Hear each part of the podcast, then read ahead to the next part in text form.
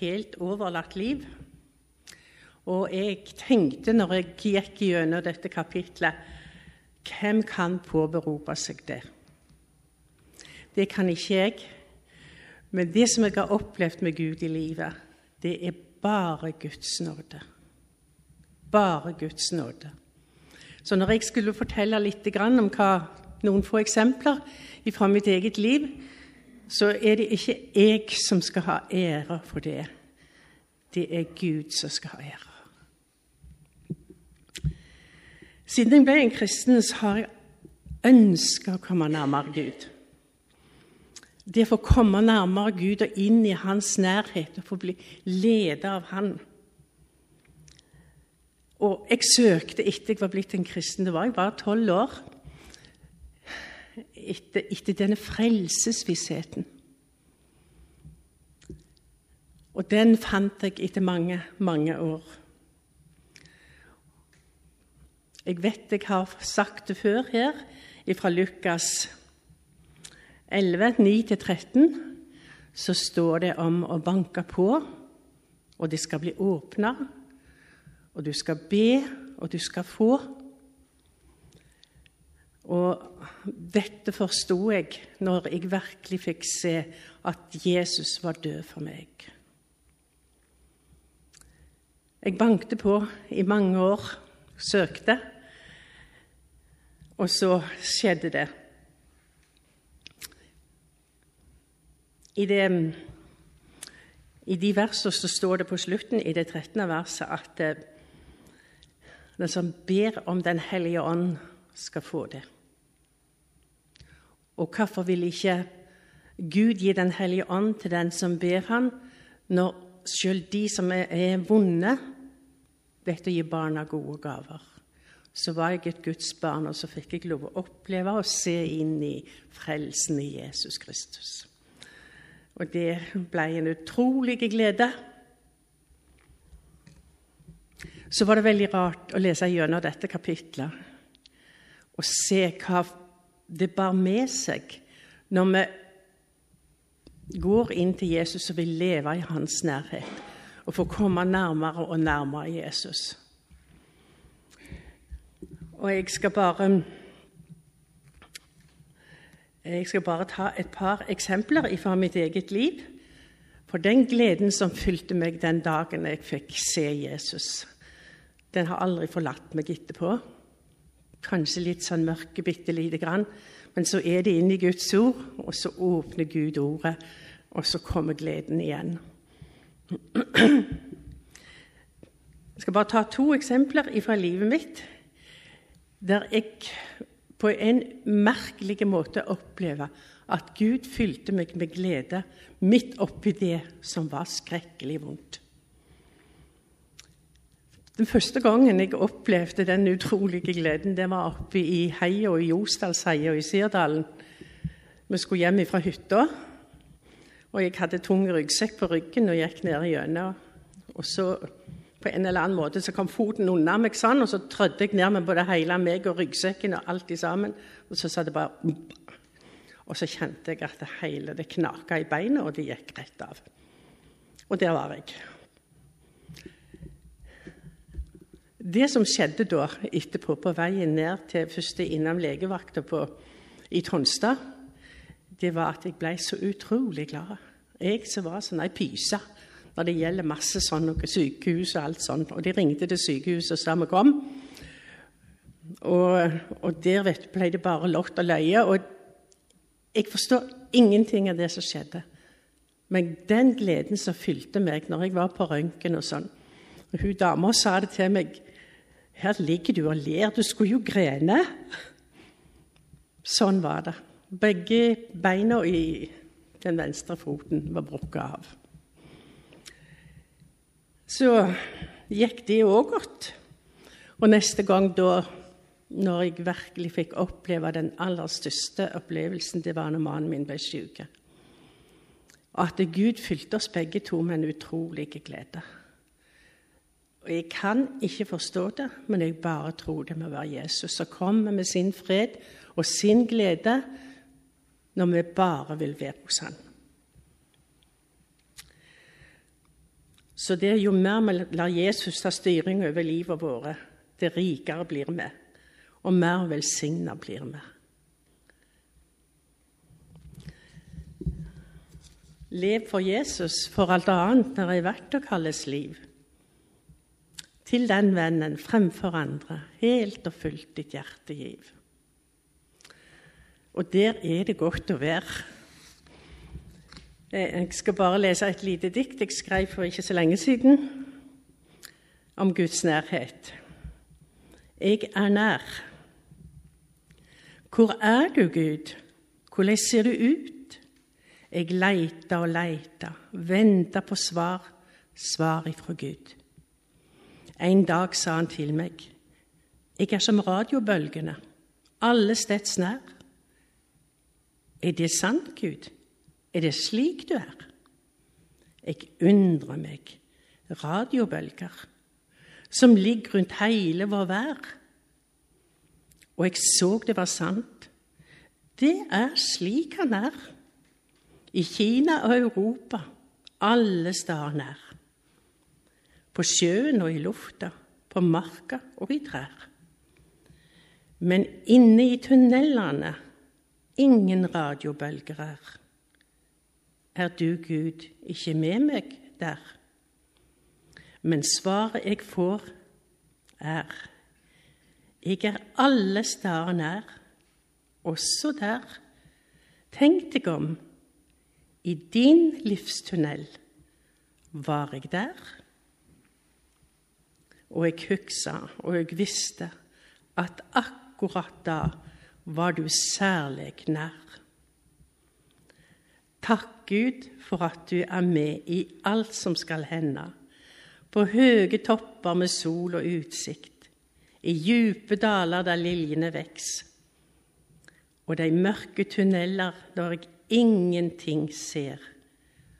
Overalt er du nær.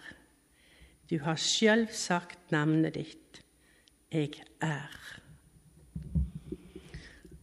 Kjære Jesus. Takk for at du er med oss. Takk for at vi skal få lov å trenge oss inn til deg i ordet og i bønnen, og få leve nær deg, Jesus. Herre Jesus, velsign Vigdis som skal tale i dag. Velsign samværet vårt. Og Jesus, jeg ber deg om alle de som har kommet inn her, at de kunne få en berøring av deg. En inspirasjon til å gå videre trenge seg inn til deg, Jesus. Og så vil jeg igjen be for byen vår, Jesus. Alle menneskene som er her, og som ikke vil ha noe med deg å gjøre. Herre Jesus, jeg ber om Hellige Ånds komme over byen, Jesus. At vi som er dine, kan få lov å vise noen veien til deg. Kjære Jesus, velsign byen vår. Velsign arbeidet her i misjonssalen. Velsign kvelden for oss. Takk at du er her. Amen. Jeg har uh, lyst til å si før jeg begynner, at uh, når jeg jobbet med denne talen, så leste jeg først igjennom det kapittelet i den boka som vi har brukt som grunnlag. Uh, så merka jeg at en del ting i det kapitlet ga gjenklang inn i mitt eget liv. Og jeg eh, ble mindre om ting som jeg hadde både erfart og sett tidligere. Så begynte jeg å skrive ned, og jeg henta litt ifra ting jeg hadde skrevet tidligere. Eh, og samla det opp, og så la, tok jeg det med meg på jobb, og så satte jeg av litt tid på slutten av dagen, dagen etterpå, eller litt etterpå, og kjente bare at eh, det, det, hang sammen. Så tenker jeg OK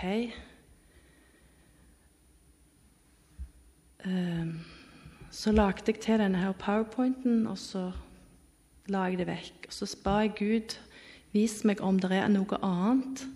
Vis meg om det er noe mer. Så tok jeg det fram nå i uka, og det jeg satt igjen med en opplevelse av da, det var Gud, du har et budskap.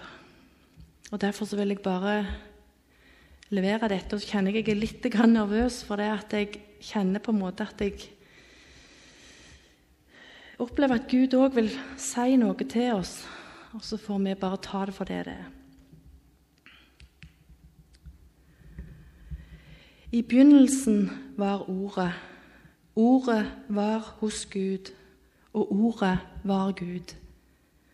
Han var i begynnelsen hos Gud. Alt er blitt til ved ham. I ham var liv, og livet var menneskenes lys. Det sanne lys som lyser for hvert menneske, kom nå til verden. Alle som tok imot ham, dem gav han rett til å bli Guds barn, de som tror på hans navn. De er født av Gud, og ordet blei menneske og tok bolig iblant oss.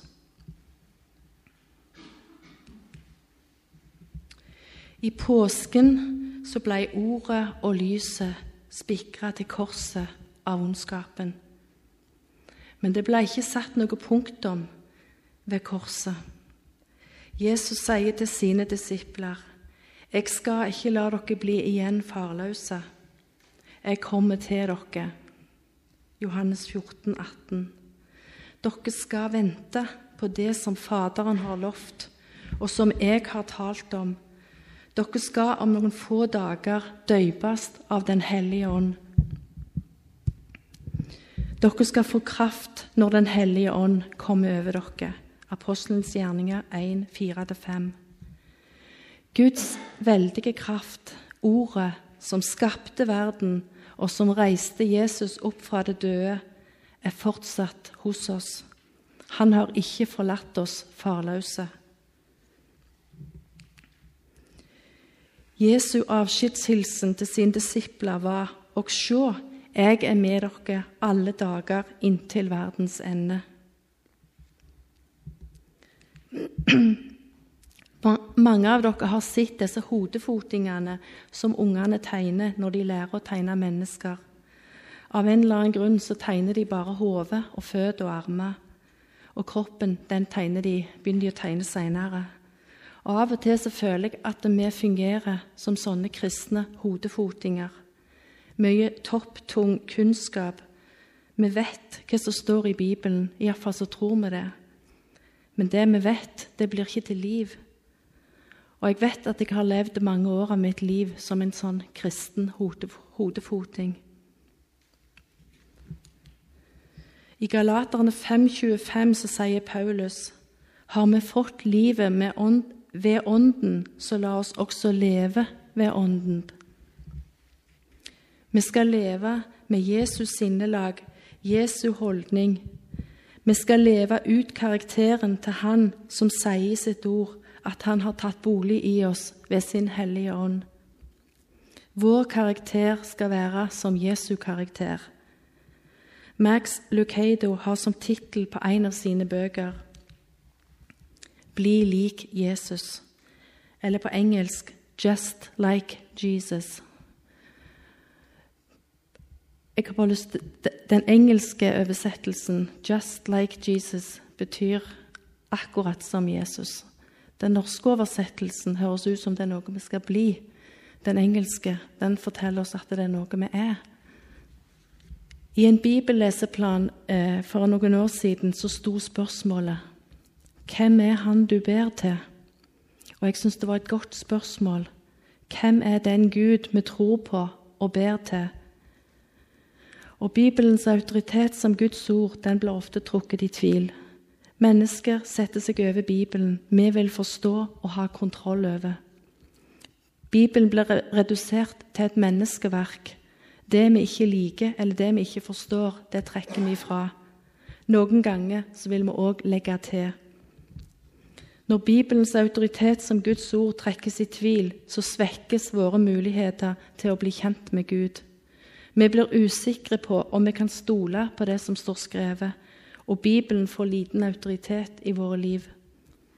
Vi lytter til tidens skiftende budskap og skaper vår eget bilde av Gud i tankene våre.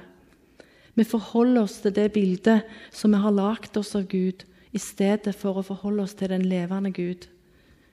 Da ber vi til en avgud, en Gud vi har skapt i vårt indre. Og djevelen er ekspert i å så tvil om Bibelen er Guds eget ord. Da djevelen frista Jesus i ørkenen, så brukte han nettopp Guds ord og ga det et nytt innhold. Og det gjør han òg i dag. Det høres nesten riktig ut.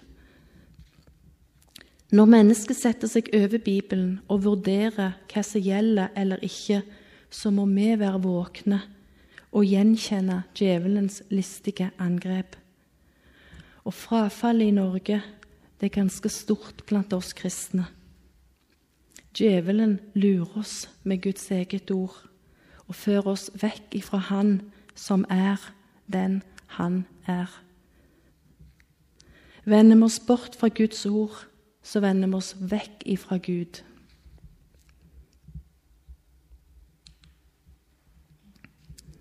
Gud er uforanderlig, og han blir ikke skapt av våre tanker.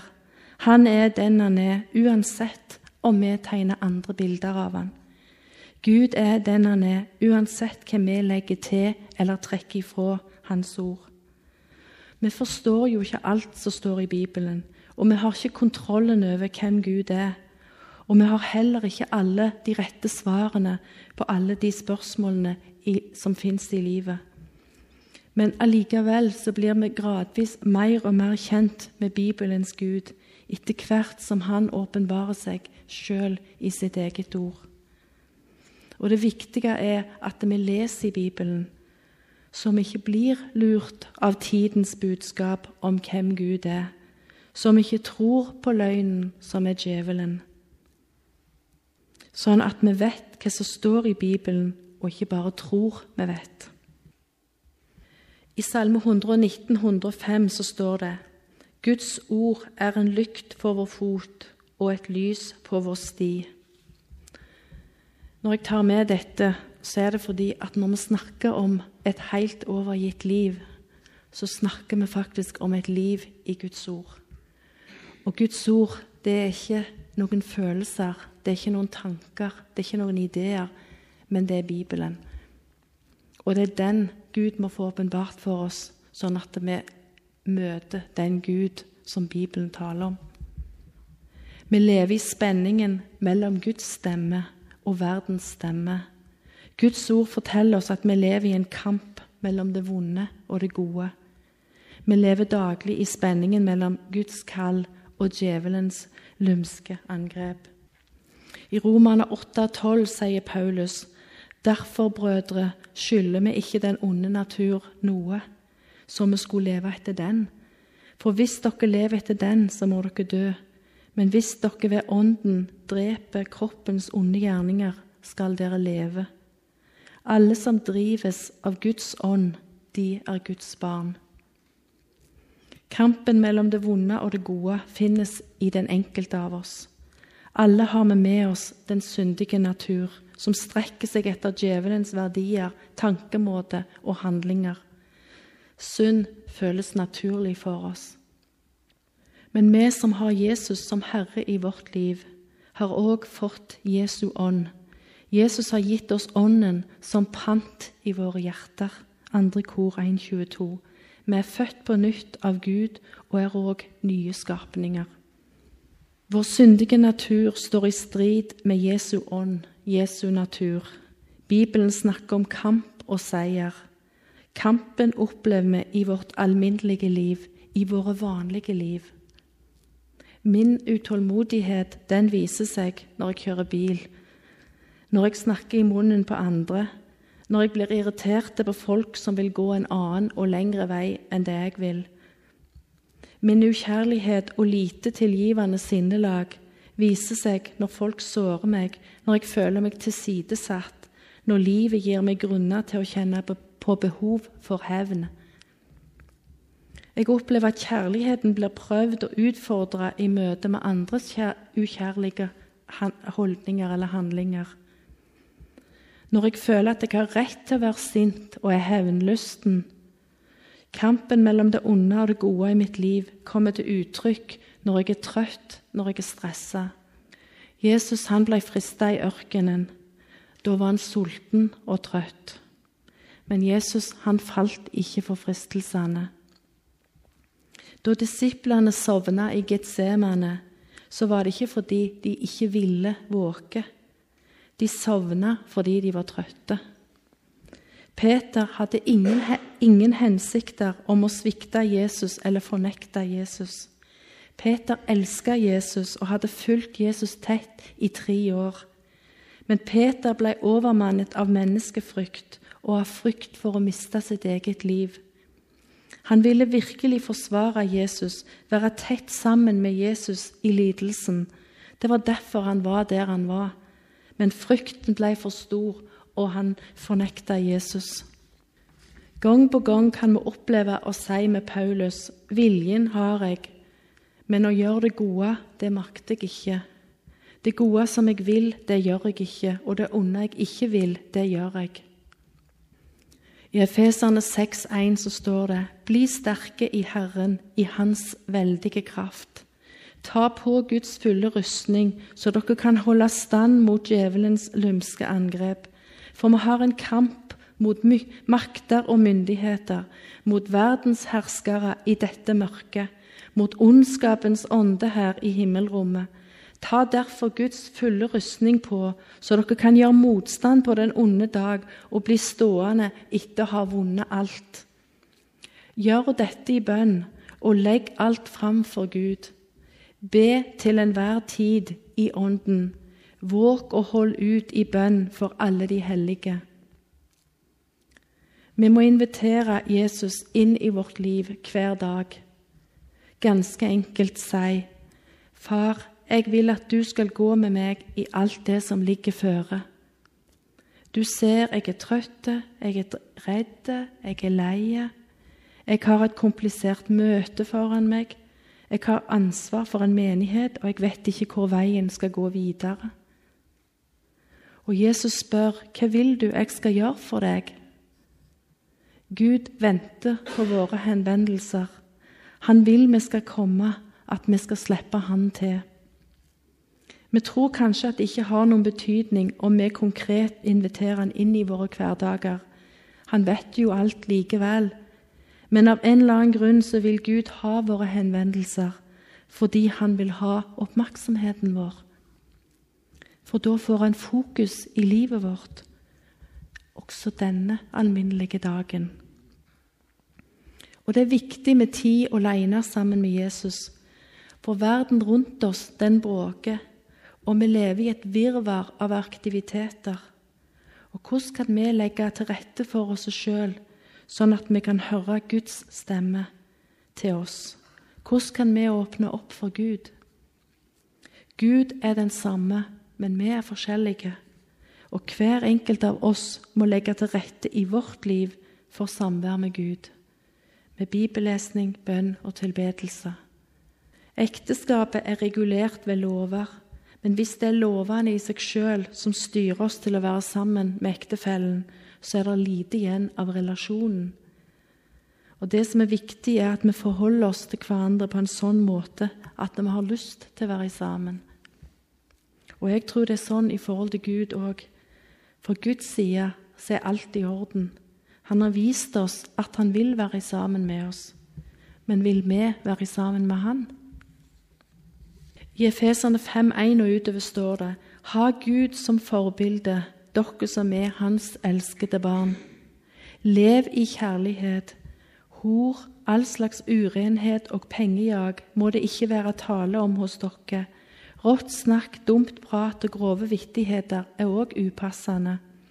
For dere skal vite at ingen som driver hor, lever i umoral eller er pengegrisk, og altså dyrker en avgud, skal få del i Guds og Kristi rike. En gang var dere sjøl i mørket, men nå i Herren er dere lys. Lev da som lysets barn, og lysets frukt er godhet, rettferd og sannhet. Pass derfor nøye på hvordan dere lever, bli fulgt av Ånden. I Efeserne 4,22 utover sier Paulus.: Dere skal ikke leve som før, men legge av dere de forførende lystne. Dere skal bli fornya i sjel og sinn og kle dere i det nye mennesket, det som er skapt etter Guds bilde til et liv i rettferdighet og hellighet etter sannheten. Legg derfor av løgnen, tal sant. Blir dere sinte, så synd ikke. La ikke djevelen slippe til. La ikke noe råtten snakk komme over leppene. Si bare det som er godt, og som tjener til å bygge opp der det trengs, så det kan bli til velsignelse. Slutt med all slags hardhet, hissighet, sinne, skrål og spott. Åndens frukt er ifølge Galaterne 5.22 kjærlighet, glede, fred, overbærenhet, vennlighet, godhet, trofasthet, tålsomhet og selvbeherskelse. Det er mulig å leve i Jesu navn fordi Hans veldige kraft bor i hver enkelt av oss som tror på Jesus som Guds sønn, og som tar imot hans soning på korset. Min syndige natur vil alltid være en del av meg så lenge jeg lever. Utfordringen min er å slippe Jesu ånd til i mitt liv. Når Guds farshjerte heier oss fram på livets vei, så har vi nåden, har vi i nåden eh, så får vi i nåde kraft til å reise oss igjen og igjen. Vi skal drives av Jesu ånd en dag om gangen. Jeg har en litt, litt sånn spesiell opplevelse knytta til akkurat dette med en dag om gangen. Eh, jeg skulle ta en operasjon, og dette fikk jeg vite rett før sommeren. Eh, så skulle vi til, på ferie til Canada, og jeg tenkte hvis jeg skal gå og tenke på dette hele sommeren, så ødelegger jeg ferien. Og jeg begynte å be til Gud om at han måtte gi meg kraft og eh, mot. Så minte Gud meg om eh, israelsfolket i ørkenen. Og jeg fikk en sånn opplevelse av hva de faktisk gikk igjennom. Før så har jeg gjerne tenkt at det var noe voldsomt så lite som de trodde. Når de prøvde å lagre seg mat for flere dager og ville sikre seg på alle måter. Når jeg var i den situasjonen som jeg var i, så kjente jeg hvor vanskelig det er faktisk å slippe taket i morgendagen og leve dagen i dag. Og for å kunne leve i dette hele sommeren, så måtte jeg hver dag gå til Jesus og si nok kraft for i dag òg. Og plutselig så var sommeren over, og jeg hadde hatt en fantastisk sommer. Men jeg hadde òg lært noe. Og jeg fikk gå en vei sammen med Gud. Jeg ba om manna, og jeg fikk for én dag om gangen. Og jeg ble avhengig av Gud. Og jeg hadde fokus på Gud, og jeg venta på Gud. Og Da jeg kom inn på sykehuset, så hadde jeg ligget i trening da, med dette her. Og når jeg våkna etter operasjonen, så fant jeg fram Bibelen og så begynte jeg å bla i den og skulle finne noe da òg. Og Så var det et forheng da mellom sengene, og så var det hun dama på andre sida av forhenget som plutselig spurte meg hva du leser i. Ja, jeg leste i Bibelen, sier jeg. Og da, rett etter operasjonen, så fikk vi en samtale. For hun begynte å fortelle meg om sitt forhold til Jesus. Hun fortalte at hun hadde vært en nattverd en gang. Og så fikk vi en samtale som handla om hvem er verdig til å gå til nattverd. Så fikk vi snakket om at det handla ikke om verdighet, men det handla om kjærlighet. Om Guds kjærlighet. Og jeg fikk dele et vitnesbyrd, ikke fordi at jeg hadde vært så lur, men rett og slett bare fordi at jeg bladde i Bibelen. Og Jeg tror at det er noe av det som Gud kanskje vil vise oss. At når vi er avhengige av Han, når vi lever sammen med Han, så er det da Han gir oss adgang til andre mennesker. Et liv i tro er et liv drevet av Ånden. Et liv det er frukter av. Et liv der valget tas ut ifra det usynlige, som er lovet i Guds ord, og ikke bare ut fra det synlige. Fellesskapene er våre åndelige familier, våre åndelige nettverk. Vi skal slippe å stå alene i en fallen verden. Vi skal hjelpe hverandre til å gå i tru, sånn som Noah, Abraham, Sara, Isak, Moses, israelsfolket rundt murene i Jeriko, Gideon, Samson, David og alle oss andre. Vi kan invitere Jesus inn i livet vårt med bønn om manna eller kraft for en dag om gangen. Det er dagen i dag vi skal leve. Vi kan komme til vår Far, Han som sier 'Kom'. Kom til meg, alle dere som strever og har tungt å bære, og jeg vil gi dere hvile. Du inviteres til et fellesskap med Gud. Troen er et møte med den andre, ikke en idé eller en lære, skriver Peter Haldorf. Med uttrykket 'den andre' så mener han Gud. Videre skriver han den sanne kunnskapen om Gud består i vennskapet med Gud. Jesus han lærer oss ikke å si Gud i vår bønn. Han sier at når dere ber, så skal dere si Far. Lukas 11,1. Det Faderen er for meg, det er han òg for dere. Min far og far for dere, min Gud og deres Gud. Johannes 20, 17. Haldorf skriver at vitnesbyrdet er det eneste troverdige språket for mennesket å tale om Gud. Gud er ufattelig, og man kan aldri fatte Gud med tanken, men det er mulig å fatte Han, fange Han med kjærligheten. Så fant jeg Han som jeg har kjær. Da tok jeg tak i Han og slapp Han ikke, synger bruden i Høysangen 3-4. I Jesaja 22 står det om dommen over Jerusalem at de vendte ikke blikket mot Han som gjorde alt dette, og så ikke opp til Han som planla dette for lenge siden. I Jesaja 23, 9 så står det Herren allherrs Gud har satt seg føre og ydmyke alt stolt og vanære alle stormenn på jorden. Gud sendte sin dom over Israel fordi de ikke stolte på han på grunn av deres selvhjulpenhet. De levde uten fellesskap med Gud i hverdagen. De levde i praksis med ryggen vendt til Gud. Og Gud er den samme i dag. Gud ønsker at vi skal sette vår lit til Han, stole på Han være i samspill med Han. Vi skal ikke sette vår lit til vår egen flinkhet. I dag lever vi under den nye pakt. Straffen eller dommen som egentlig skulle ramme oss, slik den rammet Israel, den har rammet Jesus en gang for alltid.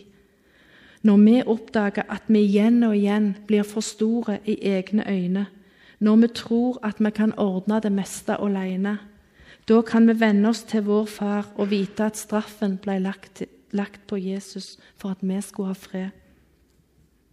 Det er kanskje vanskelig å forestille seg at synd er å stole på seg sjøl. Men når vi er mer selvopptatt enn Gud-opptatt, så går det ut over fellesskapet med Gud. Kjærlighet til våre medmennesker, det begynner med Gud. Livet mitt er forandra og forandres stadig av Guds kjærlighet. Litt etter litt. Når jeg til slutt er framme i himmelen, da vil jeg være just like Jesus. Hvordan kan vi smake at Herren er god, og ikke bare tenke det? Det er så lett å streve med kjærligheten, streve etter å oppleve og erfare. Streve med å be, streve med å skape ro nok til å lese i Bibelen. Men kanskje er det en idé å bare smake på ett og ett vers. Ta det inn Ta det med deg, og grunn på det, og la det være Guds ord til deg. La det være bønna di. Takk, Far, for at du går foran meg og er foran meg. Du slipper meg ikke og svikter meg ikke. Jeg trenger ikke å være redd og ikke miste motet. Femte Mosebok 31,8. Treenigheten den beskriver Haldorf på denne måten. Faderen avslører seg i Sønnen. som sender oss Ånden, den lys, som lyser på Sønnen, som åpenbarer Faderen, som Ånden går ut fra.